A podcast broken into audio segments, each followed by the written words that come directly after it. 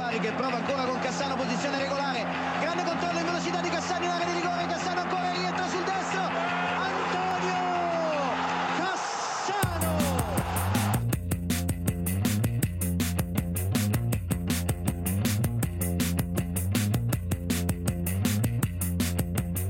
Já, það er komið að punktu basta vikunar. Við Björn ætlum náttúrulega að gera upp ítalsku deildina og, og rýna þess í úrslitaleg uh, Evropadeildarinnar sem að Róma mætir Sevilla í Budapest. Björn, hvernig er þú? Er ég bara nokkuð góður. Ég er svona illa haldir þetta af uh, frjókandónami þessa dagana. Það er svona að vara kikka inn í dag, þannig ég er búin að vera bara eins og þessi einhver langt litur COVID-sjúklingur hérna í, innan um alla. Þannig að hérna, maður, fær, hotnauga hér og þar.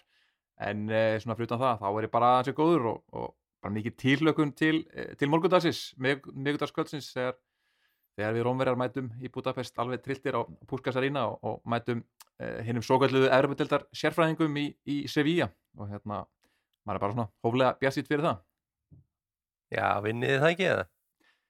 Jú, þú veist, með, við erum með hérna, sigurrekord eða Mourinho og gegn hérna, sigurrekord hérna, Sevilla manna, þannig að það er eitthvað þarf að gefa eftir en hérna, jú, jú, ég er alveg ég er svona, segi, hóflega bjassít og hérna og þetta, þetta, þetta, hérna, sigur myndi gefa okkur ansi mikið þetta, fyrst og fremst mistraldarsæti á, á næstu leiktið Já, ég ég er svona vonað farir alla leið á morgun og fáið þér svona mismund gullt og raukt hár. Ég sá að söngveri Måneskin er að fara til Budapest og er búin að já, svona tvílit á sér hárið Já, í Róma litunum sko. hann er náttúrulega hann er hérna, já, hann er mikið fyrirmynd í í, uh, í tísku og svona, ég lít, lít mikið upp til hans og hérna, og sækja Já. einsbói á honum þannig að það er aldrei nefnum að maður gera það uh, hann náttúrulega hefur oft sérst á Rómavellinum, taka lagið og hérna og þeir ganga inn hérna við, við Eurovision lagið þeirra uh, sem er upp á að slæja mitt með, með Måneskin uh, þeir eru auðvitað það lag, besta, eitt besta lag ásins í, í, fyrir tveimur árum en þeir eru líka auðvitað eitt versta lag allra tíma eh, hérna, rockútgáðan af Begin. Það er sennilega óupp á að slæja mitt Já, uh, í heiminum. Já, þú ert ekki mikið fyrir það. Nei. Það er ræðið slag sko. ég er vent anni maður. Sko. Já, það er svona þeir sem að hlusta fara í svona djúplustun sko, finna lindu perlunar sko. þetta er björlið Já, þetta er bjelliðin en við förum kannski betur yfir þennan leik á eftir bara þegar að, að við skoðum Evropadeildina uh, að öðrum fréttum á Ítalíu þá uh, já, þá, þá er komið í ljós að Juventus missa ekki fleiri stig frá ítalska knattspilnsambandinu eftir já, úrskurði í dag. Uh, það verður bara sekt uh, eins og staðin er núna þá er það 720-30.000 eurur fyrir liðið.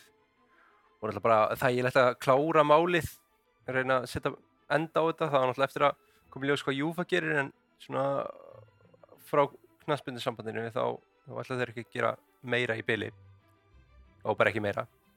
Einmitt, já, þetta bara þeir sömdu svo við FIGC sem er ítalska knastbundu samandi um að, um að það er ekki tekið fleiri stiga um hvorki þessu tímabili nýðið í næsta. Þannig að þessi tíu uh, stiga dómur hann stendur. Þeir hafa tókuð svo fram á, á samfélagsmiðlum að þeir varum ennþá ósamála þessu dómi en, en þeir munu lúta honum og, og, og sambandið mun ekki sekta þá frekar nema þessi, þessi fjárhæð og uh, það, já, það, eins og þú segir þá er það bara UEFA núna sem getur þá eh, tekið málið í sínar hendur og, og getur auðvitað úrskarað aftur í bann á næsta tímabili en hérna það er ó, ekki vitað hva, hvað verður og hérna jákvæmt að því leitinu til að þá, þá líkur þessu, nú er þessu tímabili þá bara eftir næstu umferð bara lokið, það verður engin frekari stiga frádráttur. En hérna að sama skapi þá kannski svolítið skrítið að, að ítalska knallbyndisamöndi hafa einhvern veginn bara samið allt í einu um að þú veist, enga frekari refsingu hérna, þú veist um hvað var verið að semja, gáðu Juventus menn eitthvað eftir eða, eða veist, ég, ég skil sem ekki Eh, alveg kannski hver samningstaðan hafi verið, hvað það var Var það ekki grunninn bara það að Juventus myndi ekki áfríða þessum tíu stigum? Jú, kannski, já, bara einmitt að, að þeir myndu þá bara ljúka þessu mála af sinni hálfu og, og Já, ég held að það sé eitthvað þannig. það, ég skil alveg þá pælingu þótt ég sé kannski já en, en þannig að það, já, fínt að, dating klárist eins og ég og, klárist á meðan satt, með, með, þegar síðast umfyrinni líkur þá, þá líkur dildinni formulega þannig að þetta, jákvæmt Já, þ- það var bara nummer 1 og 3 fyrir Juventus að þeir vildu bara klára bara þessa refsingu sem fyrst skilju, bara vita hérna er, við þurfum að fá bara niðurstöðu. Einmitt. Mm, en ég held sko að það- það er einhver tango í gangi á milli Júfa og Júventus að því að ég sé að allavega miðlandir segja að, að John Elkham sem er þarna já, svona stjórnarformaður eða hvað sem það kallast svona president af liðinu uh, hann ætla ekki að lúfa með þessa superlíka hugmyndir. Og Júfa sé eitthvað að reyna sér það á, á Juventus með því að segja bara herru þið eru að lúfa hérna superlíka hugmyndinni bara ofinberlega þá fáið þið vægari refsingu eða enga refsingu Já, þetta er þetta frekar spes sko, ég held um þetta svona að báðir aðeila séu kannski þú veist, Júventusmenn hafa, líka, hafa haldið þessari súperlíka hugmynd kannski til streitu líka til þess að geta verið með eitthvað, að, þú veist eitthvað svona, eitthvað til þess að berja í borðið með, Já, ég veit það ekki já. en hérna, uh, jú, það kemur ekkert óvart það, ef það verið niðurstaðan, að þeir myndi einhvern veginn fá vægari refsingu fyrir það, sem er þetta bara mjög vel gert hjá, hjá Juventus og það er mitt að sé hansi svona setja skrítið fór þetta með að menn, þú veist, getur hótað að fara að stað með þetta og, og er þessi súperlíka hugmynd ekki bara frekar dauð hvort þið er? Já, eða það að Júfa sé að einhver leita að blackmaila Juventus bara, herru, nú þurfum þið bara að þagna með þetta, skilur einmitt. En hérna, en já, eins og mér finnst mjög erfitt að vita hvað UEFA gerir nákvæmlega, ég meina, Já. þú veist, þeir munu líka örgulega horfa til þess að þeir, að þeir byðu algjörlega með því að refsa Juventus í þessu máli, þangað til niðurstaðan komin á Ítalíu. Já. og það hlýtur að benda til þess að þeir vildi, vilji sjá svolítið hvort að það hafi verið tekið almennilega á þessu máli á Ítalíu eða ekki, mm -hmm. veist, ef það hefði verið einhver svona grínrefsing, eða þetta hefði verið bara eitthvað svona eða, eða allt, veist, þá, hefði þeir kannski sjálfur stígið inn í, þannig að það er spurning hvað þeir hljóta að meta það, ok, eru þeir búin að fá taka út sína refsingu, er, er, er þetta hæfileg refsing sem þeir hafa fengið, eigum við eitthvað að vera að bæta við þetta, það er svona, ég held að e, UEFA menn séu svona um, burtið frá þessum hérna, þessum sjómann sem er í gangi á milli þeirra vandi í súpedeldinu, Já. þá held ég að þeir séu aðalega að horfa í svona, e, fengu þeir sangjarnar refsingu, var málsmeðferðin í lægi og framvegis, framvegis og svo ákveðir framhaldinu hvort þeir ætli sjálfur eitthvað að, að bæta við Já, ég skil þig. Já, bara það verður áhugavert að sjá hvað gerist. Við erum búin að eyða svo miklum tíma í þessi mál að þetta er eiginlega bara þetta er bara orðið pólitísku þáttur hérna. Uh, fleiri mál varandi Júventus uh, þú, þú sást einhverja frétti varandi Sörubjarkamálið uh, Já. um síðustu helgi Já, það var náttúrulega þessi frétt þarna fyrir tveim vikum með eitthvað svo leiðis um, um að það var einhver, einhver ólga innan eh, herbúa Juventus og, og að eh, Sara Björk lendi upp á kanti þjálfaran, Joe Montemuro og hérna, og hún var á leiðinu út eitthvað svona að þjálfaran gefði ekki höndlega stóra karaktera og hérna og svo framvegis þar framtöku göttunum og það var frétt um það að fóti.net og, og þess að pekaði upp þarna frá ítalskum miðli en eh, svo í kjölfarið þá var síðan þjálfari Juventus spurður út í þetta eftir, eða fyrir leik hérna sem Juventus spilaði síðustu viku gegn Fiorentina og þá að þetta væri bara uppspunni sko og það væri hann væri mjög, mjög ánæður með Söru og, og hún var síðan í byrjunarliðinu held ég í þeim leik með þessu Mhm. og hérna þannig að það er svona þú veist, þegar hann fyrir svona hart út og, og mótmælir þessu þá svona svolítið sérstakt að hérna þú veist, það var ekkit, eh, það var bara að tala eins og það væri allt í himnalagi sko og hérna og, og, og hún var síðan bara í byrjunarliðinu þannig að já, eh, ég, svo hef ég ekkert séð eftir það þannig að það er spurning væri áhugast að fá okkar framhald á þessari frétt Já. eh, sjá hvort þessi ágætti fjölmjöla maður sem var með upprunulega fréttina á Ítalíu hvort að hann hafi eitthvað lagst betur yfir þetta en hérna, allan að þjálfarinn vill að hann meina að það væri, það væri allt í himnalagi og hann væri bara mjög ánægð með hana og hún væri með, með gott professional viðhorf og svo framvis Já, já það er bara gott að heyra. Maður var smá stressaði með það. Einmitt. Uh, þá kannski bara mm, ef við förum aðeins yfir bara almennar fréttir kannski já, tölum aðeins meira um Spalletti. Eh, einmitt, það, þjálfara Napoli sem, að, sem er að hætta. Já, það er bara það er bara staðfest. Við bara setjum svega núna. Já, hann er bara að hætta því að ég, ég bara veit ekki alveg okkur hann er eitthvað, nei, var hann eitthvað þreyttur eða eitthvað? Já sko, það, það veit ég lengir af hverju nákvæmlega að tala um hann sé að fara bara í ásleifi og þú nefndir hann í sísta þætti að, að, hann hefði einhvern veginn einmitt, eh, hérna, Di Laurentiis hafi svona framleitt samningið við hann um eitt ár á þess að Já. hann vissi af því og það var einhver, það hafi verið einhver deilur þeirra á milli. Mhm, en hérna uh, ég veit ekki, ég, hann, Spalletti er ég meina, hann er 65 ára, hann er held ég elsti eða næst elsti þjálfarin sem var að þjálfa í dildinni á þessu tímabili. Já, þú veist, það gleymi svolítið ofta því að hann hefur alltaf ekkert unni einhverja marga titla, þá er hann búin að vera lengi í þessu geimi, búin að þjálfa heil lengi og er, eins og ég, og er bara kom, er á 70 aldri og hérna hann að, uh, já, ég meina álæði fer með hann eins og aðra, það er ekkert grín að njóta velgengni uh, í Napoli. Mhm, mótlæti er heldur svo sem ekkert grínar en, en hérna, Nei, hérna svona njóta svona hérna velvildar og, og velgengni sem þessi takir líka á og, og búið að vera mikið pressa á honum. Þannig að hérna, hann kannski bara tekur sér ásleifi og svo er spurning hvort hann snúi yfir höfu aftur eða eða hvort hann fari bara að setjast í, í helgan stein hérna í, í vínbúkarðinu sínum í, hérna, í, Toskana eh, hjá upprunanum og, og bara njóti lífsins það sem eftir er. Já, með nýja tattúið maður.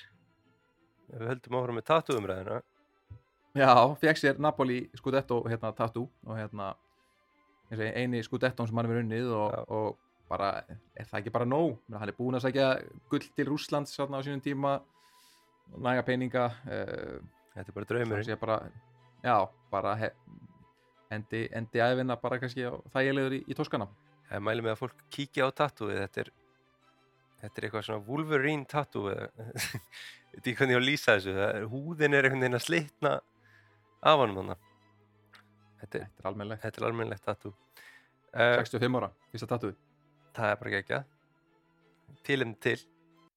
Já menn, menn hafa fengið sér tattoo fyrir minna til já, já, klárlega. Um, ef við kannski aðeins að gera bara upp umferðina í ítalska boltanum? Bara fara svolítið hratt yfir hana. Já. við erum farin að fókusera bara meiri fréttir og já, og skemmtilegt það er kannski svona lítið að frétta almennlega í dildinni þessa stundina. Já, ef við byrja á, á toppleiknum sem að, eða, já, besta leiknum sem að þú fórst á eða, fá, fá ferðasöguna það en að, Jú, ég, ég fór á Juve Milan það sem að já, mínum menn bara töpuðu fyrir þessi Milan 1-0 uh, og þar með treyðu Milan sér mestarutildasæti á næsta tímbili sem er alltaf mjög vel gert hjá þeim.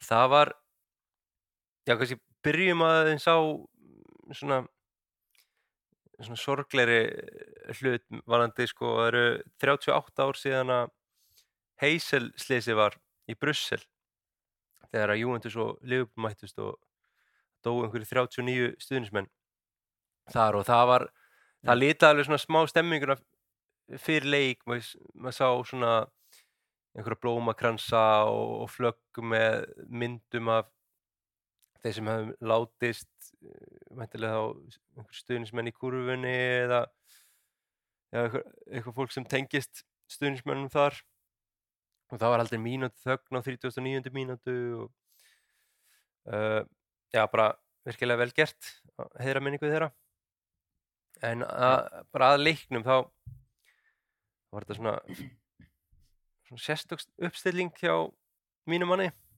Allegri, uh, hann stilti upp Moise Ken frammi með Chiesa og Di Maria og bara Vlahovits á bekknum? Já, La- eh, Vlahovic var eitthvað meittur hann, Nú, ok, já, já, hann meittist fyrir fyrir hennar leik þannig að það var hann ákvað að taka að hafa Moise Ken frammi í staðin fyrir e, Milik og það er náttúrulega bara margi meittir, það er Pogba er meittur, Fagioli meittur, hann fór hann úr axlalið eða braut, hvað heitir þetta bein hérna í öxlinni hérna framan á, við, viðbein, viðbeinið, já, já, já, og Disilio líka meittur, þannig að þetta var svona smá lemstra lið. Og margir í liðinu sem að já, eru bara væntalega að fara í sumar. Quadrato fer líklega í sumar Rabiot fer í sumar Di Maria fer í sumar. Hann fekk ekki blíðar móttöku frá stuðnismennum Juventus þegar hann fór út af. Það var blístrað á hann. Ok, já, já, Svona, það var ekkit rosalega miklar ljúvar kveðjur. En bara að sem. Mílanliði spilaði fárlega góðan bolta.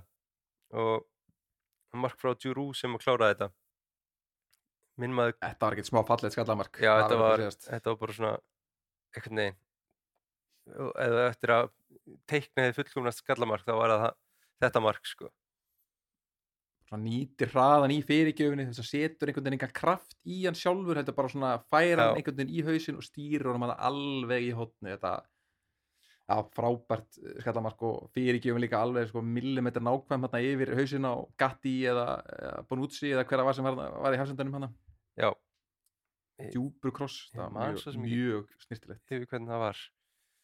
Uh, en mér var svona í AC Milan liðinu þá fann ég bara fyrir Manjan í markinu. Já, bara svona presensið sem hann hefur. Það náði alveg bara upp í stúku. Já, já, já, alveg klárlega sko. Bara það, það var allt sem fór inn í tegi hann bara á þá og var bara yfirvegur í öllum aðgerðum og var bara, já, ég var mjög heitlaður og Já. Krúnits var líka fárunlega góður í þessum leik Eh, ekki, e- ekki minn uppáhalds leikmaður í þessu AC Milan liði Nei. en þetta, þetta er er alltaf skemmtilegt að fara á völlin já. Mm, En var, var ekki eitthvað, einmitt, voru ekki stuðnismenn eitthvað, já, pístra á eigin menn og það var nú einhver svona smá óanægja og ég hef nú séð einhverja, svona, þegar tímabili er að klárast og, þeir, og þeir er allt saman að fjara út er, og, og ríkið að setjast þá svona, eru menn svolítið ósáttir, eh, enn ósáttari með Allegri. Já, já, já, klárlega. Þetta er náttúrulega vombriða tímbil, þetta er í sjöunda sæti. Sko, þrátt fyrir þessi tíu stig þá, þá væru þeir samt bara í fjóruða sæti núna, sko. Já, Þann, þannig að það er ekki, það er ekki ásæn, ásættanlegt fyrir júnsliði. Og Nei. það voru greinilega einhver mótmæli líka í fyrri hálfleik. St- Kurvan var bara þögul í fyrri hálfleik. Bara, já, það var ekkert sungið eða neitt síðan var sungið í setna áleik alveg helling sko. þannig að ég held að hafa verið einhver mótmæli sem það voru að syngja til klúpsins um að já, þeir væru ekki viðskiptavinir já, einmitt, ég sá það, já. heldur væru það stuðnismenn og ég tók náttúrulega þátti þó ég skildi ekkert almennilega hvað þeir voru að syngja um hana í stúkunni maður, maður er ekki það brattur ítölskunni að maður skilur nákvæmlega þegar að menn eru í hópsöng sko. Já, bara þegar, þegar einhver skvöldatur últra bendir á því að segja ég þá bara syngja ég sko og bara klappa og ég veit ekki hvað ég var að syngja með þarna sko. en ég, það verða breytingar í Júndis sumar það er bara það verður að gerast sko. Konti var í stúkunni Já, ok. þannig að það- það- maður veit aldrei hvað gerist Já, en ég, ég er spenntur að sjá breytingarna, sko. Ég meina það, þetta var svo óspennandi hefur með þessu tímambili. Ég, er einhvern veginn, þú veist, eh, þetta geta hlutir að það vestna, en, en þú veist, eitthvað svona aðeins kannski meiri hugsun á bakvið hlutina fyrir næsta tímambil. Þegar þau þurfa aðeins að fara að horfa í spara aurinn og, og, og telja peningarna og svona, þá kannski þurfa þær að, hugsa eitthvað aðeins upp á nýtt. Þannig ég, ég er spenntur að sjá hvernig Júndisliði mætir til leiks á, næsta tímambili. já, ég, svona, það sem ég hræðist mest við sumaglugan þeir eru náttúrulega að missa Rabjó, Di Maria uh, mögulega Quadrato og Sandro og svona. Já, en það er líka eitthvað verið að orða Danilo við Inter. Já, sem er ekki jákvætt fyrir Júndus nei, að hann er bara- þeirra og já. bestir leikmaður þeirra, sko. já Og ég er svona ég hef miklar áhyggjur ef það gerist Já, en allavega við já, þetta var bara það var drullu skemmtilegt að fara á völlin Já, og Asi Milan triðis að mistra þetta sæti þarna þannig að þetta er, svo barátta er, er búin núna. Já. Það var spenna á, hérna, í öðrum hluta deildarinnar líka, það var lið, Íslendingalið sem að tryggði verið sinni deildinni á næsta tímanbili með, með dra, í dramatísku leik, verður að segjast, hérna, um liðna helgi. Það var Lecce sem mætti hérna úti völl uh, með fullt af stuðnismönnum með sér, stóðu þarna alveg trilltir berar ofan uh, í Monsastúkunni og börðu sína menn áfram. Og, og Lecce fór hérna með Sigur Holmi 1-0 uh, eins og ég, eftir dramatíska lókamínútur þetta var eiginlega, sko, Lecce þurfti Sigur til að, til að hérna, tryggja verðisnum í deildinni mm. og ja, þegar það eru tíu myndur eftir þá gefur uh, Baski Róttó uh, okkar maður, varnamaður Letsi hann, þá gefur hann víti, mjög svona klaufalegt svona, víti sem var, var gaf Já. og uh, Danin Kristján Gytker framherris Monsa, hann er að spila sin síðasta leik fyrir félagi eða síðasta heimaleik, þannig að hann fær svona heiðusvíti, fær að taka Ok. okay. vítaspilnu fyrir framann stuðnismennar fyrir framann sína eigin kurvu þarna í síðasta heimaleiknum klúðrar því víti, það eru tíu myndur eftir að leiknum í stöðunni 1-0 nei, í stöðunni 0-0 svo bara í uppbóta tíma, bara í, með síðustu spilnu hérna, leiksins fær Monsa, nei, fær Letsi hotspilnu og hann gefur víti með hendi inn í vítadeg og hérna, hann, hann fór úr því að vera, fá eitthvað svona svona auðla, svona hetju víti til að, hérna, hverja stjórnismenn, þá endur hann því bara að gefa, gefa Letsi bara sigurinn og hérna Lorenzo Colombo skorar úr vítinu og 97. mínútu eitthvað og, og Letsi stjórnismenn trillast og, hundruðustu mínútu eða eitthvað sko. já, jú, jú, einmitt það var djúft inn í uppátt tíma sko.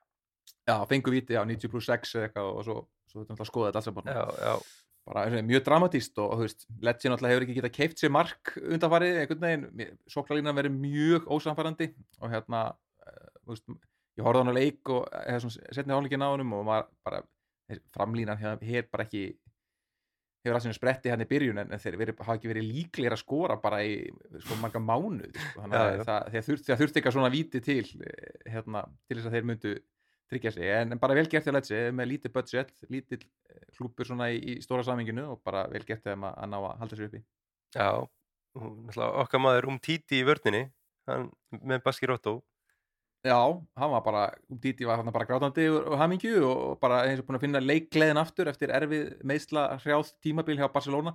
Já, og hann auðvitað er orðaði við stóru liðin á Ítalju eftir þetta, þetta tímabil og, hérna, og hinn maðurinn, maðurinn sem gaf vítið Baski Róttó, okkar maður, búin að vera það frá að Þorger hafi sko nefntina leikmann bara í, eftir fyrstu umferð. Já. við þurfum að skoða gamla þætti Já. um að þetta veri leikmaður til að fylgjast með. Hann var að fá sinn eh, fyrsta kall í, alanslið sem er alltaf gæðið eftir sko. Það er Já, bara, hann maður sem er byggður eins og eh, hérna, WWE glímukappi er bara er mættur í ítalska landsliðið og, og, og ég unónum uh, þi- þá velgengni já, ég við förum kannski aðeins yfir landslýshópinu á eftir bara svona reynum aðeins í hann Já. um, ég er svona ég vona einhver leiti að Lecce fari svipálega og Spezia núna í janúar. Þeir eru alveg með leikmenn sem þeir geta kassaðins inn á í sumar. Uh, bara til þess að búa til veldu í leikmannhópnum og, og auka bara tekju liðsins. Þeir selja allir með Spaski Rotto og, og náttúrulega Morten Hjúlmand sem er kannski þeirra heitasti biti. Já, uh, það það væri alveg spennandi fyrir þá til þess að geta einhvern veginn styrt liði þó að þeir missi svona sterka bita eins og Spezia gerði með Kivior vardamann sem fór til Arsenal. Einmitt. Já, Letsi er með Pantaleo Corvino sem hérna yfirmann íþjóttamála og Mhm. það er bara einn klókasti yfirmann íþjóttamála á Ítalju Menna, hann, hann er búin að vera hjá stærri liði með Letsi og einhvern veginn er, er hérna í einhverju svona, svona hobbyprojekti í lokferilsins eitthvað að dunda sér. Já, Eh, þannig að hann er mjög klókur í, í leikmannaköpum þannig að hann, hann mun kokka eitthvað upp sko. ég hef þú veist, þeir, eiga bara lítla peninga, það er vandamálið þeirra en þú veist, ef einhver getur uh, galdrað þá er það Pantaleo þess vegna held ég að það veri sniðut hjá þeim að reyna að fá smá pening inn í kassan skilur með því að selja þessa leikmenn sem að já, eru búin að springa út á þessu tímbili á meðan þeir eru Já. heitir sko. já, já, ég meina Júlmann, Júlmann fer klálega og, og, og mögulega, mögulega Baski Róttó líka og, hérna. og mögulega með þess að markmaðurinn þeirra Falcone já, Falcone, hann er búin að vera frábær líka hann segir sér sjálft að ef þið skora svona lítið og samt halda sér uppi þá, þá er það hann sem er búin að halda þeim inn í leikjunum og hann var líka held ég valin í ítalska landslið núna bara nýlega Já. hérna, uh, já, en, en það þýðir hann líka þá ertu búin að selja bestu leikmennina og, og hinir voru maður hver ekki standa sig þannig að það verða, það verða mikla breytingar á þessu letsi Mhm, liði fyrir, mhm. fyrir næsta ég yes. og Þórir Jóhann verður þar, e, svo er nefnilega líka að Þórir Jóhann verður líklegast ekki áfram það sé, hérna, sagað mínum heimildum það var bara eiginlega litlar spenga líkur á því. En transfervindóið er ekkit, ekki opnað og, og svona eh, rólegt yfir markanum með þá, þannig að það er ekkit vita kannski hvert hann fer en, en ég sé nokkuð eh, nokkuð auðlust að hann verður ekki áfram hjá Letsi ok. Mm, ef við förum í fína menn í Róma þeir mættu Fiorentina sem að já, eru í þessur conference sæti sparáttu ef að þeir eru náttúrulega farið inn á núslita leik um. Vestam, Vestam, já.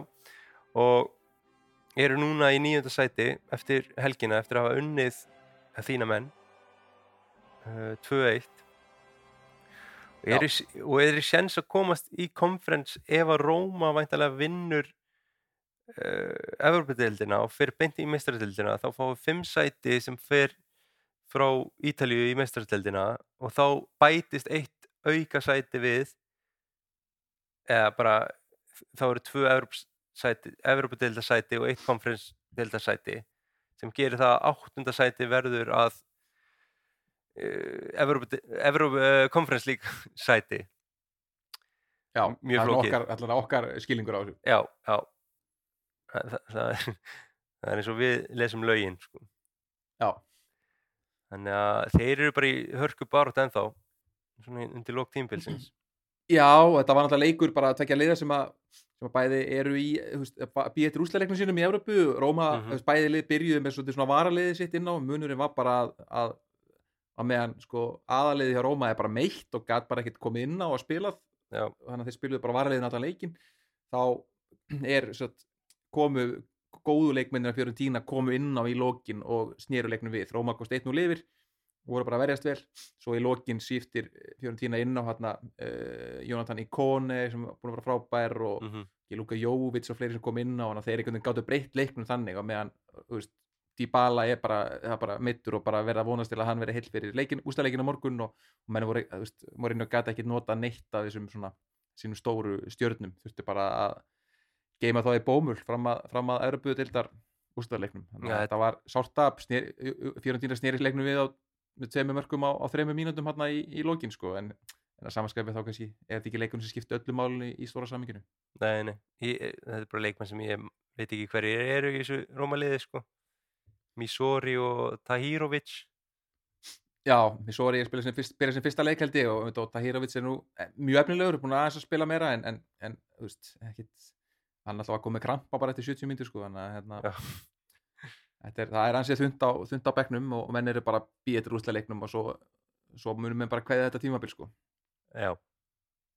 Mm, og, já, þú, munt sjá þá vantilega bara fullt af breytingum hjá Róma fyrir úslitaleikin Já, eh, þess- þessi úslega leikur verð, já, það, Það bara- voru bara kvíla menn fyrir hann, ég menna, spurning fyrir okkur sem betur yfir úslega leikin bara eftir, hvernig, hvernig byrjunlega svona verður, en En já, þetta var, þetta var algjör kvíld fyrir, fyrir þann leik. ok, og síðan ja, Inter kláraði sinn leik þeir eru náttúrulega bara, búin að vera fárlega góðir undir lók tímbils í öllum keppnum náttúrulega Góðu taktur og Lautaro sjóðandi heitur eins og, eins og undanfarnar vikur, þannig að það er sjálfströst í hópnum. já, og þeir náttúrulega síðan við tókum upp síðast þá eru við búin að vinna Coppa Italia Já, nefnitt, unnu Fiorentína þannig, já, þar mjög sterkur sigur. Martínez skoraði tvö mörg fyrir Inter Já, eftir að hafa undir þetta undir. Fjörund, já, Fiorentína komst yfir, og, en hérna, bara, já, stert hjá eindir, á þess að eða ómikill orku, þeir þeir eru náttúrulega eru líka í svona einhverju svona spara orku mót fyrir, fyrir úrstaleikin í, í sél, þannig að bara mjög Já. professional framistæði af þeim og ég bjóst kannski aðeins meira hjá Fiorentína að þeir myndu svona fara Já, meira all in í þetta. hjá Atalanta? Nei, Fiorentína, úrstaleikurinn. já, já, já, já, að úrslitaleiknum, úrslitaleikinn, já, já, já, já, já. já. Já, einmitt, en mér finnst hann bara Interliði vera svolítið að- að keira á að skilju bara að menn detti ekki úr formi skilju eins og um helgina þá var liðið var bara bara besta uppstilla liðið þeirra að einhverju leiti fyrir utan kannski Dzeko hefur verið að byrja frekar en Lukaku. Já, er alltaf aðeins sem er lengra í úslaleikin í sér hann er hvað, 10. júni hann, hann hefur gætt leif sér aðeins að, að spila með betra lið og, og samanskapið þú veist, er hann líka með kannski eins og Lukaku ég veit ekki með líka svona stóra skrokk eins og Dzeko en sérstaklega Lukaku, meina hann bara, ef þú gefur honum frí í viku þá er hann dottir Já, úr því litla formi sem hann var komin í sko, þannig að ég held líka að menn séu aðeins bara að reyna að halda, halda öllum alveg á tónum og gefa öllum smá mínútur og, og, og svona. Einmitt. En já uh, voru eitthvað fleiri alltaf Bologna og Napoli gerir 2-2 í aftefli eftir að Ósimenn skoraði 2 mörg uh, til að koma Já. Napoli, eh, kannski svona sem ekkit einhver svakalega sögulínu þar, finnst mér. Nei, það er bara frekar einhvers, öðru, fyrir utan þetta bóttbarátuna og, og einmitt smistaðarsæti þá var það nú ekkit, ekkit sérstætt sko, Mhm. bara svona lið að klára, að klára tímabilið. Og Hellas Verona já, gerði jafntefli við Empoli sem að já, kemur með það, þá stöðu að þeir eru með jafnmörg stig og Spezia sem tapaði sínum leik. Og- Já, Hellas Verona missi niður leikin í jafntefli á bara 90 og eitthvað mínútu þannig að hérna mjög súrt hjá þeim, þannig að þessi tvö liðir á- eru í sagt já, hvað, 17. og 18. sæti fyrir síðustu, umferðina Verona eru neðar á innberðis viðregnum og bæði lið eiga mjög erfiðan leik í síðustu umferð þannig að eh, Já, Verona lík, mun líklegast vera áfram í, í fallsætinu þegar, þegar síðustu umferðinni líkur við fögnum því við erum Spezia menni í þessu þætti Já, Verona, Verona AC Milan í síðustum ferð og, og Spezia á Róma. Bæði lið eiga þessi leiki á útivelli þannig að það er, svona, það er líklegt að þessi lið hafi tekið sín síðustu stig á, á, á tímabilinu. Já. Um, ef við að hlaða í undir 21 ás lið? Bara serju A á þessu Já, lið, lið ásins U21 það er svona, ég reyndi að taka saman. Just, ég var ekki algjör fasisti á, á ártjörunum Nei, eða hvernig menn eru fættir, ég held samt að ég hafi hitt svo nokkurn veginn á þetta og menn bara, annars verða menn bara að senda mér SMS og, og hraunu við mig ef, að- ef, eða- menn eru reyðir eða- við því. fjárbúið þig eða eitthvað. Já, ef menn er ósamála þá geta menn fjárkóa mig og, og það er þá helst á SMS-i sem, að- sem ég teka móti, móti þeim. Já, uh, Já, uh, sem byrja bara markmanninu. Það, það val var enda mjög auðvelt því að það er rauninni bara einn markmaður sem er eitthvað nálægt í að vera hérna, nálægt en- sem, hvað, nær tveimur tugunum heldur en þremur í aldri mhm, í deildinni. Og það er eh, Marko Kanesecki, markmaður Cremonese.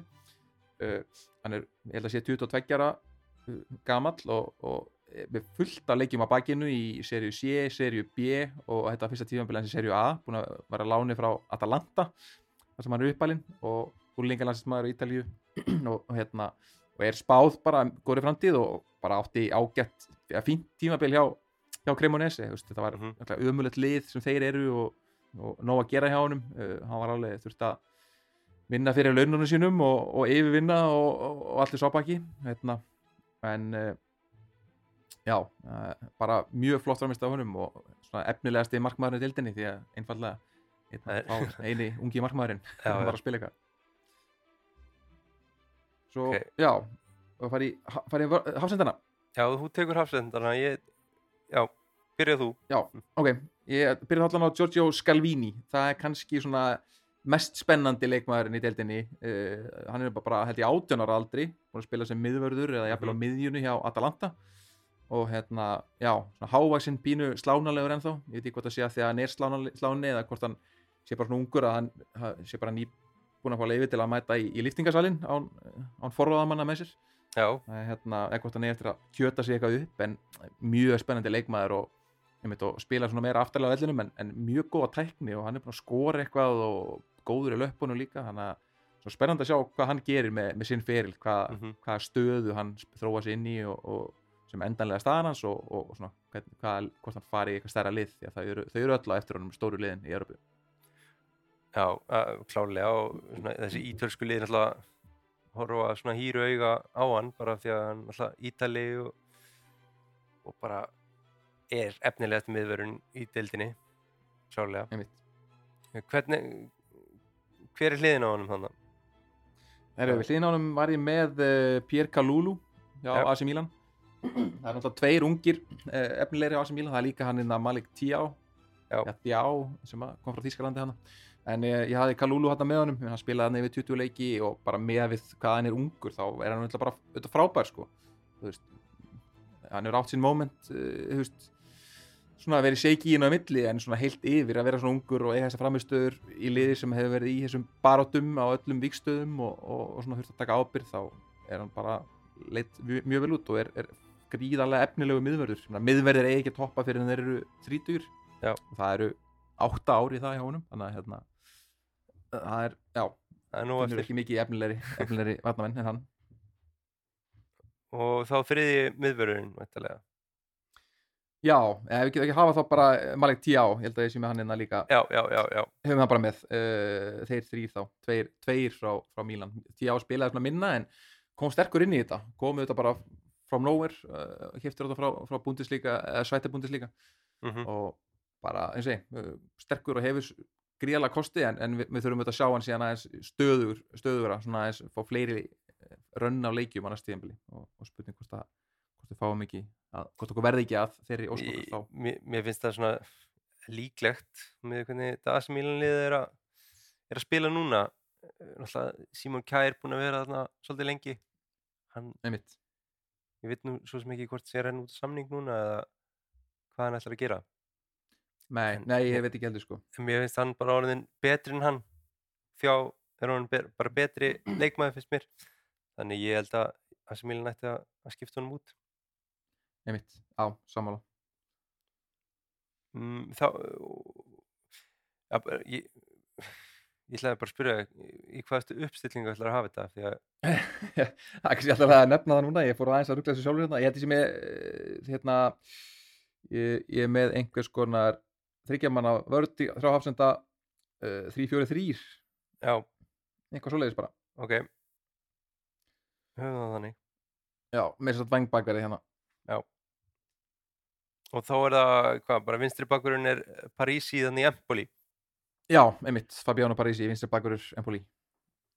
Ok, hvað í hverju er hann góður? bara sóknarlega þú veist það er náttúrulega með, þegar maður að dæma svona hérna, sóknar eða bakverði að það er Já. svona leikurinn sem er í, í fyrrúmi og það er það Mhm. líka í honum þannig að bara mjög efnilegur bakverði sem er að spila nokkuð tímabilið á Empoli núna og verið góður í þeim öllum og held að sé með þetta svona hæstu engunina hjá svona hérna hjá svona heimasíðum sem eru með engunir hjá, hjá Já. leikmurum og hérna og það er ekki ástæðaleysu og ég, held að þetta er svona, sé líka svona næsta útflutningsvara Empoli sem að auðvitað, framleiða unga efnilega leikmenn á, á færibandi ok, og þá í hægri bakverði hvernig ertu með þar? Já, það er er svo mörg með nöfn hérna á listanum hjá okkur að, að þú ert einhvern veginn bara að skapa þetta lið hérna í bytni Já, ég held, ég sem bara skiptis upp samt, sko, í byrjunlið og svo erum við með hérna einhverja svona challenger já, ok, ok, en- ok. En Nikola Salevski hérna hjá Róma er þarna í, í hægri bakverðinu þá. Hann auðvitað sló í gegn á síðasta tímabili uh, komin í pólska landsliðið og var einhvern veginn frábær Mhm. uh, þessu tímabili hefur hann þurft að spila mjög mikið svo þetta er kannski meira en ætlast það til bara út af meðslum uh, og hefur kannski ekki alveg náða að fylgja þessu eftir með eins góðu tímabili og nátt í fyrra en, en samt sem áður, ég menna bara já, góður á boltan og, og, og bara eins og ég komin bara með byrjunleysætti hjá Róma undir Mourinho, svona ungur, það er bara mjög flott og, og hérna og já, hann er, hann er með einhvern svona X-faktor, svona einn á einn X-faktor hann mætti kannski bæta mörgum bara í sinn leik svona betri skotmaður, þá, þá er hann orðin ansi, og, og betri varnamaður kannski hans líka þá er hann orðin alveg, hérna þá er hann frábær leikmaður og hann er held sér ennþá bara tvítur, aldrei. Já, með Salevski uh, Ég skal taka bara miðjuna. Já. Eh, ef við stillum mig upp þannig að, að Nicolò Fagioli miðjum Juventus sem já, það er annar maður sem að sem að Tokki kallaði í byrjun tímbils og, og meðan við vorum hrifnir af Miretti þannig á miðjunni hjá Juventus þá sagði hann að Fagioli væri, væri betri og hann, hann hafði bara rétt fyrir sér það, að er, vera það bara dúið á mér eftir ég held að það er bara að plata mig með hárið á hann Já, hann er svo já. ótrúlega fallegt hár sko. ég held að það Já. er bara einhvern veginn ég, blindaðist af því sko. ég er einhvern veginn hrikalega hrifin af þessu Fagioli hári líka sko þannig að þetta eru báðir vel hærðir menn. Já, uh, en bara, já, hann bara búinn að vera svona ljósi punkturinn í þessu jónsliði á þessu tímbili sko, að, að sjá einhvern veginn leikmann sem kemur frá þeim og bara stígur inn í þetta og er að einhver leiti tilbúin í það.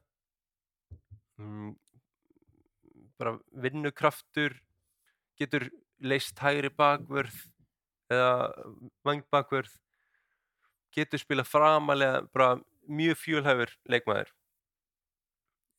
ég held að hann sp- muni spila bara stóra rull á næst tímbili hjá Juventus. Um, og hinn miðjumæðurinn er ja, Rovella sem, sem verður að liðsfélag hans á næstímbili af því að hann er á láni hjá Monza frá Juventus. Hann hefur náttúrulega já, við erum bara ja, besti maður Monza svona heilt yfir finnst mér á þessu tímbili ásamt honum já, miðmannum hliðin á honum það stólið upp með nafnið á honum uh, veistu með það? miðjum var með, Já, sem að er, er í ítalska landsliðinu já, Sensi, Sensi. Nei. Já Nei, nei, nei, nei, ekki Sensi, Pessina já, já, Pessina. já, já, Matteo Pessina, já Já, hliðin og Rovella í Monza þeir hafa verið svona bara bestu leikmenn Monza og kannski ástæða fyrir að þeir hafa verið að spila svona vel. Þeir tveir þarna. Og Rovella er náttúrulega bara hluta því og, og hann ávist bara að stíga inn í hlutverk Rabió í Juventus eftir að hann fer í sumar. Segja miðlanir já, hvernig ertu með það, hverja þrjá ertu með það frammi? Herru, ég er þá með uh, já, kannski mest umtala leikmann á Ítalíu. Þess að þínabilið, Kvitsa Kvaratskilja hann er náttúrulega ennþá bara Mhm. 22 ára aldri held ég akkurat núna og hérna fær að vera í þessu liði. Uh, já, ég nefnir ekki að tala eitthvað mikið um hann. Nei, nei. það er búið að segja allt sem, sem segja þarf. Hann þetta hefur snögg kólnað hérna eftir að þið dutt út um meistaröldinni en veist, það er kannski margar ástæði fyrir því. Þeir eru búin að vinna titilinn?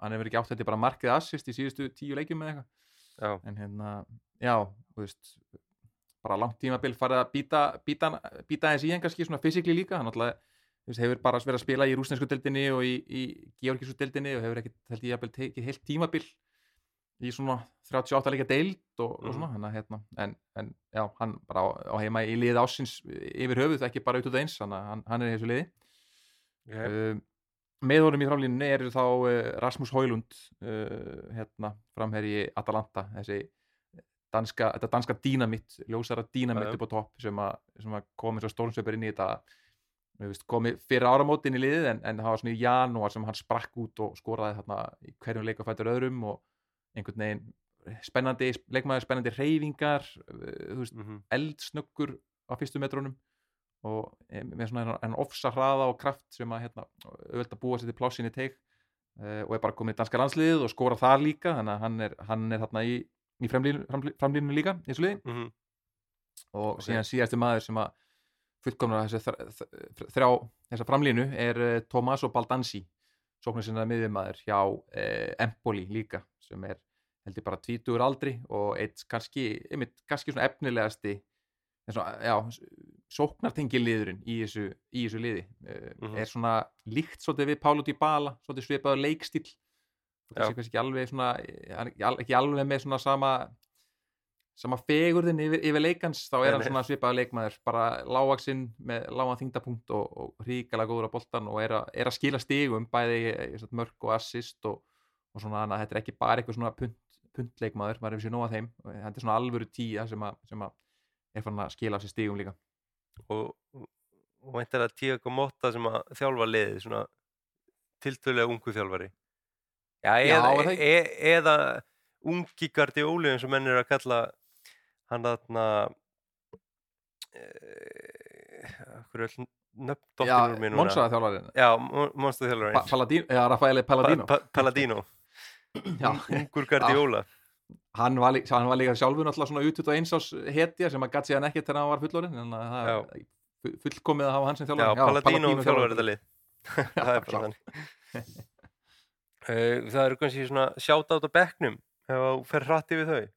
Já, bara hratt, þú veist, Edvard Bóvei hjá Róma, eh, svona pil, pitbull, ætla að segja pilldog, pitbull eða bulldog eh, á, á miðunni hjá, hjá, já, já, hjá Róma sem er orðin mi- í miklu uppáldi hjá Mourinho. Destiny Udogi sem er í Udinese sem að Tottenham kefti og þeir vantar til Tottenham í sumar. Uh, svo er Nicolo Cambiagi og Empoli, Wilfred Singh og hæri bakur Tórino sem fer í starra liðurugla uh, Noyen Peres miðvörður Udinese uh, og Samuel Ritzi og Ivan Illich miðumenn hjá Tórino, þetta er mikið Tórino með, með nokkra að hérna, en, en ekkit, eðum ekkit meiri tíma í þá. Nei, nei, nei. Um, ok, þannig að já, þetta er, er hörskulið sem við erum búin að smíða þarna fyrir okkur uh, leikmenn sem á að fylgjast með. Þá að máli málana það er leikurinn í Budapest heldur betur. Róma Sevilla. Og þú sem er Róma stuðnismæður hvað já bara hvað sér þið Mourinho að gera og, og hvernig stilla þessu upp Rómumenn Já, þannig það. Sko, ég held að stóra vandamálið hjá þeim er náttúrulega að uh, Pálo Dybala uh, menn veit ekki hvað hann mun geta að spila mikið. Og stóra spurningin náttúrulega er bara hvort að hann muni byrja eða ekki. Á hann að byrja með hann inn á og hann kannski spilar í 45 minútur eða kannski bestafalli í 60 minútur eð, og, og vonast til að komast yfir og, og halda síðan eða á hann að byrja með hann á bekknum og vonast til að eiga hann inni ef þeir þurfa á hann að halda sitta meir og þú veist mm -hmm. ég veist eiginlega bara 50-50 hvað, hvað ég myndi gera ef þetta væri ég sko. Og hérna að þeir, þeir er að liggja yfir þessu núna eh, Mourinho og, company. Eh, því að það, það breyti bara leikplaninu hvort, hvort þeir ætla að byrja á að verjast eða byrja á að, að sækja markið og, og verjast síðan. Mm uh, ég held að ég held, ég held persónulega að hann byrja á bekknum. Uh, frekar að eiga hann inni jafnvel að það kemur síðan framlenginga eitthvað annað að, að vera þá ekki búin að taka hann út af því að þá er, þá er púðrið svolítið farið úr sóknarleiknum. En ég held að hann byrja á bekknum og hérna uh, og svo svona hitt, hitt spurningamerki er kannski einmitt hvort að uh, veist, í Banjes braslímaðurinn byrji þannig að vinstramenn í vörninni eða, eða Diego Lorente sem kom hann frá Leeds uh, Mhm. í, í, í janúar þú veist, uh, í Banjes hefur verið að gera klúður að gera mistök á, á augustundu í mikilvægum leikjum á tíðanbylnu hvort hann sé heilt yfir kannski betri vardamæður uh, þannig að spurning hvort hann treysti betur uh, treysti betur eins og Jorente sem er líka er spánveri og er, er, að mæta hann að spænsku liði og Mhm. þannig, þannig að hérna þetta er svona stærstu spurningamarkin, annars verða þeim verið með Rúi í markinu, það verður Mancini Smalling er orðin heill aftur og, og þá, já ég held að ég banni spyrji um, og hérna svo verður hann með Spinazzola, hann er líka orðin heill aftur vist og, örgulega í hæri bakveri. Ég hann, er betri varnarlega heldur en, heldur en uh, Nikola Salevski svo Já. miðinu verður hann með Matic og Kristante Kristante er náttúrulega búin að vera að leysa mikið í Hafsend fyrir Smalling og, já, hann er búin að leysa Hafsendur ótrúlega vel og er bara, veist, hann er svo mikilvæg fyrir þetta lið en, en það, er, það er gott að hafa hann á miðinu með Matic þú, veist, með þessar tvo þarna, þú færð ekkert fram hjá þeim sko. Og, og síðan fram á við er hann þá með uh, Pellegrini mun spila uh, ég held að Tami Abraham muni spila, bara einfallega vegna þess að hann var kvildur um helgin að hann, satt, Belotti byrjaði Já. og svo held ég að hann byrja með El Sharavi það sé þá er henni Pellegrini og El Sharavi fyrir aftan uh, Abra- og hann er þá með Dybala á bekknum og, sem getur að koma inn á fyrir El Sharavi og svo er hann með þetta Belotti líka sem er náttúrulega ef ég, ef ég ákomið svona spá að því að veist, sé, Mhm. þetta, þetta er náttúrulega búið að vera mjög erfið tímabil fyrir rómastinsmenn og þetta er svona eina vonin sér hafa og komast í Evrópu og það eh, þessi meðsli og það að vera í öllum þrejum keppnum hefur verið reynst mjög erfitt Já. og menn hafa verið ískaldi fram á við fyrir utan Dybala, ég meina Belotti er með 0 mörk í deildinni og hann er að spila hann er að spila sér framherji að spila einhverja 20-30 leiki í lið í sjötta sæti sko. Já, og þetta var bara leading goalscorer hjá Torino í mörg ár og íþesku landslýsmaður og bara að það verið með 0 mörg það, það er eiginlega afreg og þú veist, hann er búin að vera djöblast og Mourinho róstar hann eftir hvert leik og hann er að leggja sér fram og maður sér það alveg en það er bara hann, það er ekkert sjálfstöðst í honum fyrir framamarkið ég, svona, ég er að vonast aðeins til að það sé kannski leikmaður sem sem að muni eh, skora sig það, já, það er alltaf einhver óvænt ég held að hann eða hann er í Banjes sem að ég er búin að vera mistækur, búin að klúðra þremur stórun leikjum á tíðanbylnu með auðlalegum mistökum. En hann er markeppin og ég sé fyrir mér að annarkor þessar að tveggja muni svona já, eiga svona öskubusku moment og, og einhvern veginn bæta upp fyrir, fyrir þetta, þessi tímabil sem þeir hafa átt. Það er, svona, það er von mín og draumur. Ok. Uh, heldur að Mourinho stilli þá bara upp svolítið svona varna sinna til að byrja með væntalega bara svona já, í grunninn, hann er ekki að fara að keira á þetta eins og Guardiola eða einhver þannig nýmóðin stjóri Nei, hann mun ekki keira á það sko, alveg sama einhvern veginn, þótt að hann byrja með Dybala sko, held ég muni droppa, droppa eins tilbaka til að byrja með sko, en það Já, mun koma kaplar í leiknum heldur þar sem þeir munu svona uh, setja pressu á sig vía og, og meina, þeir munu reyna að gera sem mikið og geta úr föstum leikadriðum. Ég er svo sem ekki búin að liggja úr þessu Sevilla liði uh, eitthvað voðalega en ég sá þetta á móti FCK mitt og fyrir vetur og, og þeir, en þeir eru ekkert með að mér sýnist eitthvað sérstaklega hávaxilið um, Nei, og- ég, mynd, ég myndi halda að þeir keiri svolítið á hraðanum sko, frekar. Þess vegna held ég að hendi Róma ágætlega að bakka svolítið vel sko. þeir eru með Lamela og Suso sem eru svona þeir sem að e, Morinni og, og félagar eru svona að kortleggja núna og hvernig þeir eru að stöðva.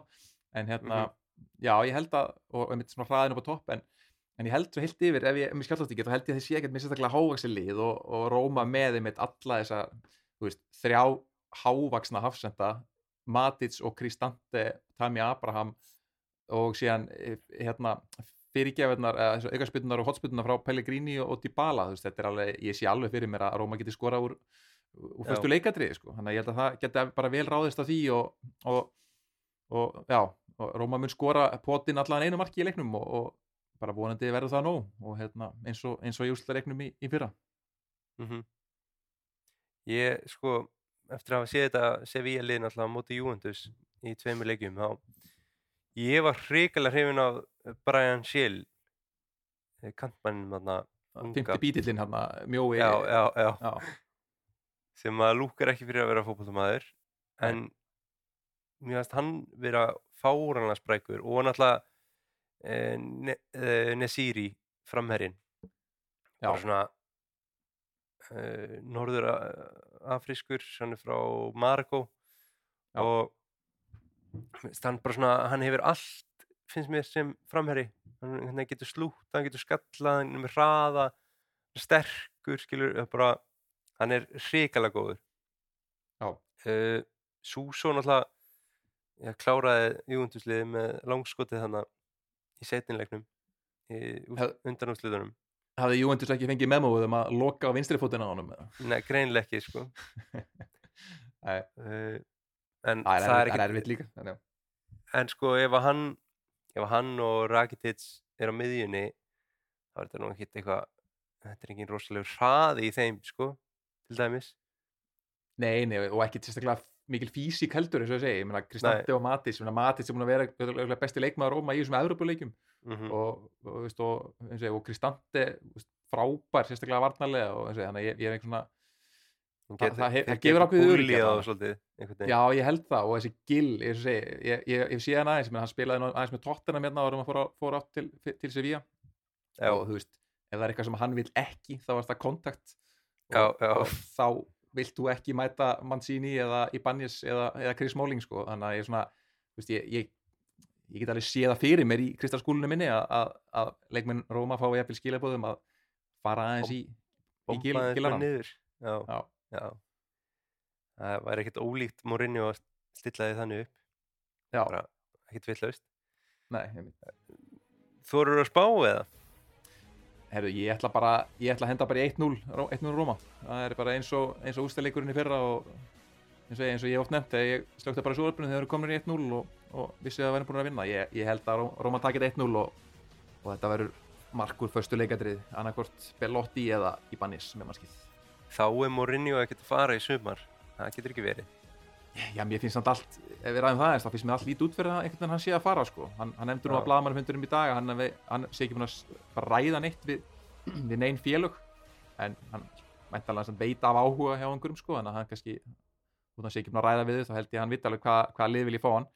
En ég, mér finnst samt eins og allt leiði til þess að hann sé að hætta í sumar, uh, ok, sem bara einhvern veginn, það er verið að tala svolítið eins og það sé komið á endastöð. Uh, ok. þú veist, á snirtilegan hátt það er ekkert verið að segja neitt beint út en það er svona það er alltaf ekkert verið að tala um eitthvað næsta tímabil það er það, allt bara einhvern veginn eins og, eins og morgundagurinn sé svolítið svona endalokin á þessu og svo hefur ekkert verið rætt með framhaldi þannig að uh, einhver leiti held ég, held ég að það sé endurinn hjá þessu hjá Mourinho en það bara, já, meina, það má láta sér dreyma, ég meina Rómir er elskan ennþá og jafnvel þótt þessi leiku myndi tapast, ég meina, það, það vilja allir held ég hafa hann áfram. Uh, en það er bara spurning hvað klúburinn getur gert. Geta þeir uh, fjárfyrst í einhverjum fleiri leikmunum, geta þeir veist, reynt að taka skref upp á við eða hvað vilja þeir gera? Mhm. Ég meina, þegar þeir réðum á rinni þá kom það öllum gríðalega óvart. Það, var, það kom alveg bara át á því blú það lag ekki neitt í fjölmjöla allt nú var bara Morinni á mættur og hérna, þannig að það getur nú vel verið að, að þeir séu þá líka með eitthvað eitthvað annað planað. Ef að, ef að það er búið að ákveða að hann verði ekki áfram og, og það, þá, þá verða svona mjög líkt Róma að vera þá með einhvern annan lænaðan upp. Já. Já, þetta, já, ég reyna alltaf að horfa á leikin, ég er að reyndar í flugi þarna, part af leiknum, uh, er fljúa til Mallorca, með legt það er bara almennilegt. Uh, já, ég legg til að við förum aðeins yfir bara hvernig Íslendingunum vegnaði og kannski svona aðeins eh, samkvæmt þínum heimildum, hvað svona stefnir í hjá Íslendingunum í sumar? Já, ég, það var nú ekkert, sem, ekkert mikið að frétta hérna eh, í sumar eh, af okkar leikmunum ennþá glugginn er ekkert opnaður og það er nú bara eh, hérna já, lítið fara af stað, fyrir ekkert að stað sennilega fyrir eftir landsíkjagluggan en, en Arnór Sig í Norrköping, Mhm. hann eh, þetta var hérna hjá Venezia áður en að fór síðan til, til Norrköping, hann fer hann er núna áraðar í burtu, hann verður ekki áfram hjá Norrköping hann, hann mun öllum líkitum ekki fara til Ítalíu skalt minna Já. Þóri Jóhann eins og ég sagði aðan, hann mun öllum líkitum yfirgefa Lecce og það er ekkit, ekkit að hvar það verður eða í hvaða dild en allan að eins og í dag þá var ólíklegt að hann verði leikmaður Lecce á, á næsta tímabili. Uh, hann auðvitað vildi fara á láni hann í janúar, hann var ekki að fá að spila en þeir vildu haldunum uh, og vildu meina að hann hann myndi fá einhver tækifæri en síðan spila hann bara eiginlega neitt því miður. Uh, Já, svo er það Mikael Egil sem að e, auðvitað átti frábært, frábæra innkomu hann í Liv Venetia á síðast tímbili, nei á tímbilinu í, hérna, í bjöldinni og komið þeim hann úr Mhm. fallseti í, í, eh, í hérna, eh, umspil, það sem þeir síðan þetta dutt út í, í fyrstu umferð gegn Cagliari, en já, sækert svona mínum heimildum er þetta líklegt að hann verði áfram í, í Venetia og bara mikilvægur hluti af, af liðinu þar. Mm það er alltaf það sem, það sem ég hef heyrt.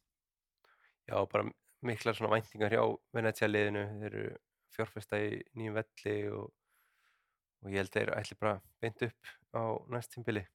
Já, fóru svolítið snemm, fóru svona óvænt upp hann fyrir tveimur árum og ekkert ætlurinn einhvern veginn og eru núna svona að byggja þetta aðeins meira svona organically, eins og maður segja. Já. Uh, og síðan náttúrulega bara Albert, við hefum ekkert heyrt meira varandi um orðanum hans til AC Milan. Það hefur náttúrulega kólnað aðeins.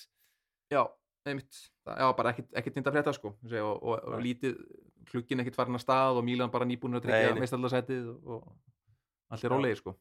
Já. En já, og síðan Bjarki Steinn náttúrulega í, í sételdarumspilinu eða, eða B-deildarumspilinu, réttar sagt og komast upp í B-deildina Já, umspils hetjan Já, eh, sem að komist áfram í umspilinu á ævintýrlan hátt eftir að hafa verið fjögur eitt undir og ná, ja, fara áfram á fjögur fjögur jafntefli og svo mættu þeir í næstu umferði eru þeir búin að spila eitt leik gegn Crotone sem er mjög erfiður leikur, var eitt af toppliðunum í deildinni þeirra og, og þeir unnu fyrirleikin á heimavelli mjög óvænt 1-0 mhm, heima þar sem hann spilaði allan leikin og spilaði bara vel, ég sá hann að hluta á honum. Og hann var bara, eins og ég, hann, hann elskar þessu umspilsleiki og, og, ef þeir ef þeir vinna Crotone, eða ef þeir vinna setni leikin eða, eða, eða halda út hann, þá, hérna, þá eru við komin í undanúslitin, þannig að þetta lítur vel út hjá, hjá Bjarka. Og, og bara vonandi að hann líka á næst tíðanbyrði þá fái mögulega tækifæri hjá Venezia. Eins og fyrst hann er að, er að sanna sig hérna í láni hjá hérna, já, hjá Foggia. Klárlega. Um, Hvenna megin þá já, ég er bara þetta er náttúrulega að klárast deildin bara.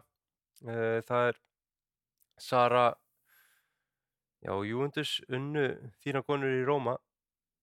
Mm, bara 5-2 í hörkuleik Sara byrjaði á bekknum og kom inn á. Já. síðan spilaði Anna Björk fyrir Inter þegar þær töpuðu fyrir AC Milan. Og hún var að kvæðja liðið svo eftir, eftir leikin þannig að hérna, er, á, er, á, það- er að kvæðja eindir það er spurning hvert hún fer hún hefur náttúrulega verið orðið í Ísland eða ekki? Jú, ég heyrði það eitthvað í, í síðasta glugga en, en ekki þetta meira. Þannig að já þetta er bara svona það eru síðustu síðustu andatarættinir í þessari kvennadeild og bara öllum deildunum náttúrulega. Það er aðeins, aðeins meira eftir að þessum umspilum reyndar. Já, já, já, þau umspilin alltaf klarast ekki fyrir bara einhvern mann í lóki júni sko. já, já en uh, já, ég ég er svo sem tæmdur eh, þú varst með einhvern lista eða ekki? Herjú, fekk hérna respons eftir, eftir topp 5 lista minn í, í síðustu viku. Yfir ítalska hjólreiðamenn og hérna og nú það sem að, það sem að hérna, það var að byrja þetta stórmóti í tennis í opna franska, Roland Garros, opna franska mestaramóti í tennis, þá langaðum að taka saman uh, topp 5 ítalskir uh, tennisspilarar. Já, og fannst það svona að vera við hæfi að við, að við hérna, förum aðeins yfir þá tennis er þetta stórkostli íþrótt þú varst sjálfur í tennis í kvöldu ekki? já, ég, ég er bara sveittur eftir tennisið þetta er bara þetta er eitthvað sem Íslandinga verða að fara stunda krafti sko. Hvernig, eh, hvernig undirlagi ert að spila á? Þegar ég er að spila úti ég er ekki á í klei, ég er í einhvers konar steipu blöndu eða eitthvað, ég veit ekki hvað þetta heitir sko. Já, svona hard, hardcourt já, hardcourt en ég hef líka spilað á svona teppi. Já, Já, ég er Ég- mikill ég er meira- kleimaði sko. það er, það er, það er þannig ólst ég upp sko. ég hefði alltaf bjóðið Noregi og spilaði tennis í, í mörg ár. Já, Eh, og hérna já, bara stórkostli íþrótt og, og, og erfitt að, það var erfitt að stundana þegar fluttur Íslands, við ekki það en maður, já maður sóttu nú eina silfur medalji á Íslandsmót U16 það, já, ok. það var nú alltaf, Í- alltaf sumt. Í, ja, í, í tennissöllinu eða hvernig það? það var utan húsrendar sko, í hérna, það var Já, í víkinni. En, en þú veist, ég ætla ekki að fara að jú, ég skal fara bara nánar út ég skal fara bara nánar út í það, þegar ég, ég mætti til leiks í áttalega úrslitum og vann eitt leik og mætti svo undan úrslitin og vann á walkover þannig að ég fór bara beint í úrslit og tapaði þar. Þannig að ég vann eitt leik og tapaði einum og, og trýtlaði heim Tók silfrið? tók silfrið, þannig að það verður ekki tekið að mér. Já, ég, þetta er svona þetta eru van, vannmenni staðir á Íslandi þessir úti tennisvellir sem að ég svona nánast aldrei síðan eitt spila á sko. já, svona inn í hverfum sko. já, það er eitt náttúrulega í Kópaví hérna í, já, heimilinu. já, já, nálaðt mínum æsku slóðum þannig að það er svona tengi ég við þetta sko.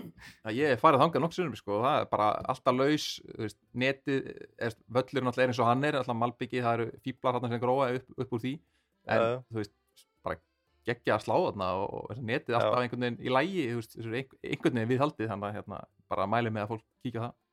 hvernig myndir þú svona greina mig sem tennisspilara? Ég, þú náttúrulega ekki sé mig spila en ég ætla svona að reyna aðeins að lýsa mér sem tennisspilara. Uh, ég er með fastar uppgjafir. Já, ég er með, ég er með hrikalega slæma bakhönd. Uh, en ég, ég er góður í svona ja, laumum sko. Lau, lausum boltum yfir netið sko. og þú ert náttúrulega út hávaksinn. já, Já, hvað ertu, ég er ertu hávaksinn? 1.96 sko. Já, já, já, já. Ég ég er að fara að nefna eitt leikmann á eftir sem er 1.96 sko, þú ert samt, Já. reyndar ekkit sérstaklega líkur orðum velli, ég, þú ert svona, ég myndi líka ef við svona Goran Ivanisevic, ok, þú veist, fastar uppgjafir hann, hann vann uh, Wimbledon einu sinni hann eini leikmaðurinn held ég í sögunni sem er unni Wimbledon eftir að hafa komist inn á wildcardi og hann var hávaksinn. Gríðarlega fastar uppgjafir og, og gott eða það var ekki svona rigning þegar Wimbledon var haldið þetta árið þannig að hann gæti sko þrygt uppgjörum alveg svoleiðis onni grasi þannig að bolti kom allir upp aftur. Já. og, og góða fórhund skapstór, ég veit ekki hvort það er svo sem við um þig en hérna, ég, ég er svona trastolker svolítið. Já ok. Já, Já, þannig að það ég held að Goran Ivanisevic uh, held ég að sé svona svolítið eins og þú. Já, ég þarf að köpa með treyju ef Já. það er til. Já, það er auðvitað að finna eitthvað sko. Já. uh, já, en byrjum á listanum. Herru, er bara, við þurfum bara að klára hann á þátt líka. Já, en uh, já, í 15. seti þar erum við með, mjög skapstóran ítala Fabio Fonini fættur 1987, hann er nú hérna bara á, á fættusaldri, aðeins eldri en ég og hérna mjög, mjög skapstór gríðalega reyður maður og, og hérna og hérna bara hann baseline spilari, góða, góða fórhönd góða bakhönd, lélegar uppgjafir svona magnaðar Ok. okay. þekktur, svona við, þú veist, það er mjög sjálfda sem að einhver, er með svona bara raunverulega lélegar uppgjafir en hann þótti með, með ríkara slakar uppgjafir já, og ef lest Wikipedia síðan á hann og svona lýsingin á honum sem leikmanni þá er það bara eins og að sé verið að lýsa lélegum tennisspilara það er bara að tala um að það sem er lélegar uppgjafir veist, bakvöndin er svona ekkert spes uh, mjög, gerir mjög oft fútfál, stýr á línuna þegar hann gefur upp og tapar stíi þannig. já. sérfræðingur í því og þú veist, það kannski er ástæðin fyrir því að hann er svona skapstóra því að hann er alltaf að gera einhver, einhver klaufaleg mistök. Já. en uh, Fabio Fonini þú veist, geggja nafn líka. Fonja er, hann, hann er með viðunefni Fonja líka. Og nafnið Fonja. orðið- já, og Fonja þýðir náttúrulega dren eða, eða sagt, klóak eða niðurfall. Þannig að það er svona það, það er margt við hennar leikmann sem er, sem er skemmtilegt. Og hann hefur aldrei unnið stórmót uh, hérna þess að uh, ein, í einlega leik þetta er bara, bara í dvílega leik en, en Já. hann, hann, er, hann er eftir topp í 15 seti yfir ítalska Ok. okay. tennisspila ekki að fjóraðsætið fjórasæti, þar eru við með uh, Lorenzo Musetti uh, 2002 mótil, það er einn af þessum nýju kynnslóð af ítalskum tennisspyrjum þeir eru að koma upp Já. mjög margir efnilegi núna eftir, að- eftir, eftir mörg mögur ár kalla megin og þegar ég eh, ólst upp og horfði á tennis þá, þá voru ekki margir ítalir í kallaflokki allana og hérna, nú, nú er þeir að koma upp bara eins og gorkulur og, og Lorenzo Musetti í 2002 mótil var rankað nummer eitt á meðal satt, í, eh, junior leikmanna, satt, úlinga, satt, hann var efstur heims, Já. heimslista úlinga og uh, hann er frá borginni Carrara sem er uh, heimabær Gianluigi Buffons og er, er bær sem er þekktur fyrir framleiðslu á hérna uh, marmara marmara, jú, já, marmara fjöllin já hann er bara, hefur nátt frábæra márangri hefur hérna verið að gera sig gildandi á, á stórum mótorum og er að fara langt þar þannig að hérna Lorenzo Mhm. Musetti gríðarlega efnilegur og svona nafn til að fylgjast með ég, bara 2002 mótel, það er, það er mjög ungt í, í tennisheiminum já, Nú, ok, þá er þriðasætið Þriðasæti, þar eru við með uh, tvífara bróðum minns, uh, Jannik Sinner bróðum minns að Ok. okay. Thomas hann spilaði tennis og, og hérna Jannik Sinner er svona mjög líkur honum finnst mér, uh, hann er frá Suðu Tíról, frá norður Ítalju uh, Ok. svona rauðhærður smá slánalegur. Svona, en svona slánalegur en maður, hann, hann er satt herri en hann lítur út fyrir að vera. Maður svona, horfir á hann og þú held, hann er svo barnalegur að þú heldur hann sé svona 1.80 en hann er unnverulega frekar stór og, og einhvern veginn svona kraftmeiri en, en, en maður heldur. Og hérna fyrir um uh, Ítalíumeistari á skýðum var mjög efnilegur því líka en valdi tennisinn, hann er bara 2001 mótel og er uh, yngsti, var þegar hann vann sitt fyrsta stórmót ATP mót í tennis, þá var hann yngsti sigurvegari ATP móts í, í sögun held ég þannig að uh, hefur komist í áttalega úslit í öllum fjórum uh, hérna, Grand Slam mótunum ástralska, franska, okay. US Open og, og Wimbledon hann er Já. já, mjög, mjög skemmtilega leikmaður og svona mjög all-round góðu leikmaður ég held að þetta geti verið svona, ný, svona veist, mögulega nýr Djokovic svona vél, Ok. vélmenna leikmaður sem, að, sem er góður einhvern veginn í öllu. Ok, þri, það er þriðasætið það var þriðasætið þá erum við uh, komin í annarsætið og hér erum við smá, smá uh, tvist og þar erum við með uh, kvenkinsleikmann Francesca Schiavone uh, sem var Ok. svona hérna skapstór uh, besti ítalski leikmaðurinn þegar ég mitt var, var alast upp og var að horfa á tennis þá, þá var hún Mhm. svona uh, vann Roland Garros árið 2010 og hérna er bara einn af síðustu leikmönum til að, hvenna megin til að vinna hérna stórum mót, eitt af Grand Slam mótunum með einnar handar backhand, one-handed backhand það er alltaf ákveðin sjarmi í því að leikmönnum sem spila með uh, backhand með annari Erst þú tveggja handa eða, eða eins handa? Ég- ég er annar handa Já, þú, ég, ég, ég er sjarmur á velli. Já, það er nefnilega sjarmur á velli að vera með, með eina hendi sko. já, og, og skýja vóni þess var vegna er góð, góður í laumunum sko. já, þú þarft ekki að það breyta um vantar stíl. í sama, já, þarft ekki að breyta um stíl í, í laumum á bakhönd eða hérna groundstroke, það er náttúrulega kosturum við að vera með einnar handar bakhönd. Já. og, og skýja vóni gríðalega skapstór og hérna lítill lágvaksinn spila alltaf með svona risastóran tennisbaða svo spaða með svona risastóran haus. Þannig að eins og hún væri að halda á einhverju bara einhverju svona einhverju svona háfi eða eitthvað að að veiða boltan náði miklum kraft Ok. í þetta og svo var hún líka mjög þekkt fyrir hérna, stuðnundar sínar á velli. Og það er þetta á við margir kallar og konur er með svona mjög einkirandi stuðnur. Já. Maria Sharapova svona þekktasta dæmið og kalla megin er það Gustavo Kirten sem var mjög, mjög svona einkirandi stuðnu. Þú gast bara, Já. þú þurftur ekki að horfa á leik til að vita að hann var einhvern veginn að spila og, og skýja vonu var með svona mjög einkirandi svona öskur þegar hún Ég- sló ég er ekki alveg að skilja þetta stunudæmi sko. bara svona sem, sem tennisspilari sjálfur eftir tvo mánuði Ertu ekki með stuðnu? ég er, nei, ég er ekki að ná því einhvern veginn sko. ég veit ekki hvað það er sko. Já, sko menn tala um að þetta sé eins og í, þú veist, judo eða, eða karate eða hvað, menn er að slá sko, þetta sé svona ekki bara veist, kraftur, þetta er líka svona tilfinning, þetta, menn nota þetta sem svona, svona, Já, já, já. svona sen tilfinningu sko. Já, og, og já, hérna, bara svona þá gerir þessa stunu bara sjálfkrafa einhvern veginn. Já, þetta sé svona til að fá hjálpa þér líka að svona, hvað maður segja, að að þetta snýst svo mikið um svona vöðvaminni og gera hluti alltaf eins, að þetta hjálpir einhvern veginn svona gera hlutin alltaf eins, fá svona Já, sama, já. sama takt í öndun og annað þannig að það eru, eru margar á, góðar ástöða til að stinja, þannig að ég myndi endilega taka upp einhverja, einhverja mjög góða góða stunu. og Já, það var er vona í algjörum sérflokki og, og kalla með einu sig Gustavo Kirten me, bara ég mæli með að með að fara á YouTube og hlusti á ekki horfa á hann, það er þetta gegja líka en, en hlustið á Gustavo Kirten spila tennis hann er með svona, Ok. hann er með svona líka alveg eftir þessu hann er með stunu sem er svona ue, svona ue stunu sem er mjög, mjög skrítin og mjög óeðlileg en, en svona mjög einkennandi já. einkennandi stuna ok, þá, þá er það fyrst setið. Það er að fyrst seti, þar erum við með mann sem er uh, Ítali 1.96 uh, þó ekki Átni Þóruður Andersson uh, það er Matteo Berrettini maðurinn sem Ok. fór í, í 2000, uh, 2021 tapaði það fyrir Djokovic uh, ok, komið í undanúslit á US Open og Australian Open mjög kraftmikill leikmaður uh, fættur í Róm hávaksinn, sterkur húst, hann er ekki slánalegur, hann er, hann er massaður gríðalega myndalegur uh, hérna er sko hlustendur hafa örgulega séð mynda á hann í svona Boss auðlýsingum hann er aðal mótili hjá Boss þessa dagana.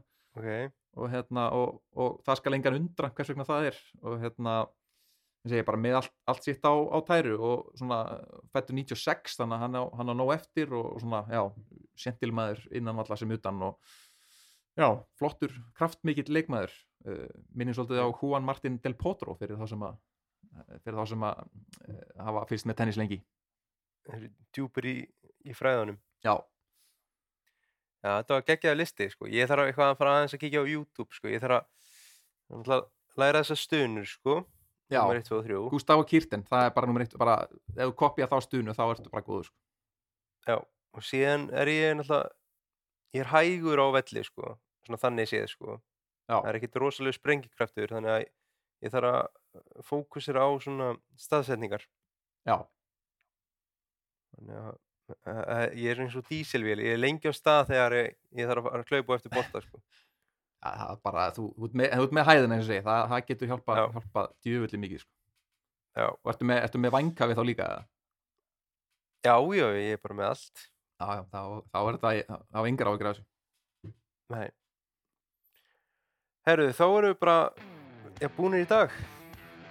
já, við heimst okkar sem bara næstu Við- viku eftir, fyrir, hérna, e- eftir loka umferðina og kannski fyrir enna, næsta, næsta úslitaleg Já, ég segi bara, já, bara góða skemmtun yfir leiknum, takk fyrir það, yfir rómaleiknum. ég mun njóta hverjar mínútur Við heyrumst.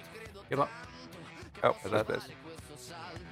Anche se la strada è in salita Per questo ora mi sto allenando e buonasera Signore e signori, fuori gli attori. Vi conviene toccarvi i coglioni Vi conviene stare zitti e buoni Qui la gente è strana tipo spacciatori. Troppe notti stavo chiuso fuori Mo li prendo a calci sti portoni. Sguardo in alto tipo scalatori Quindi scusa mamma se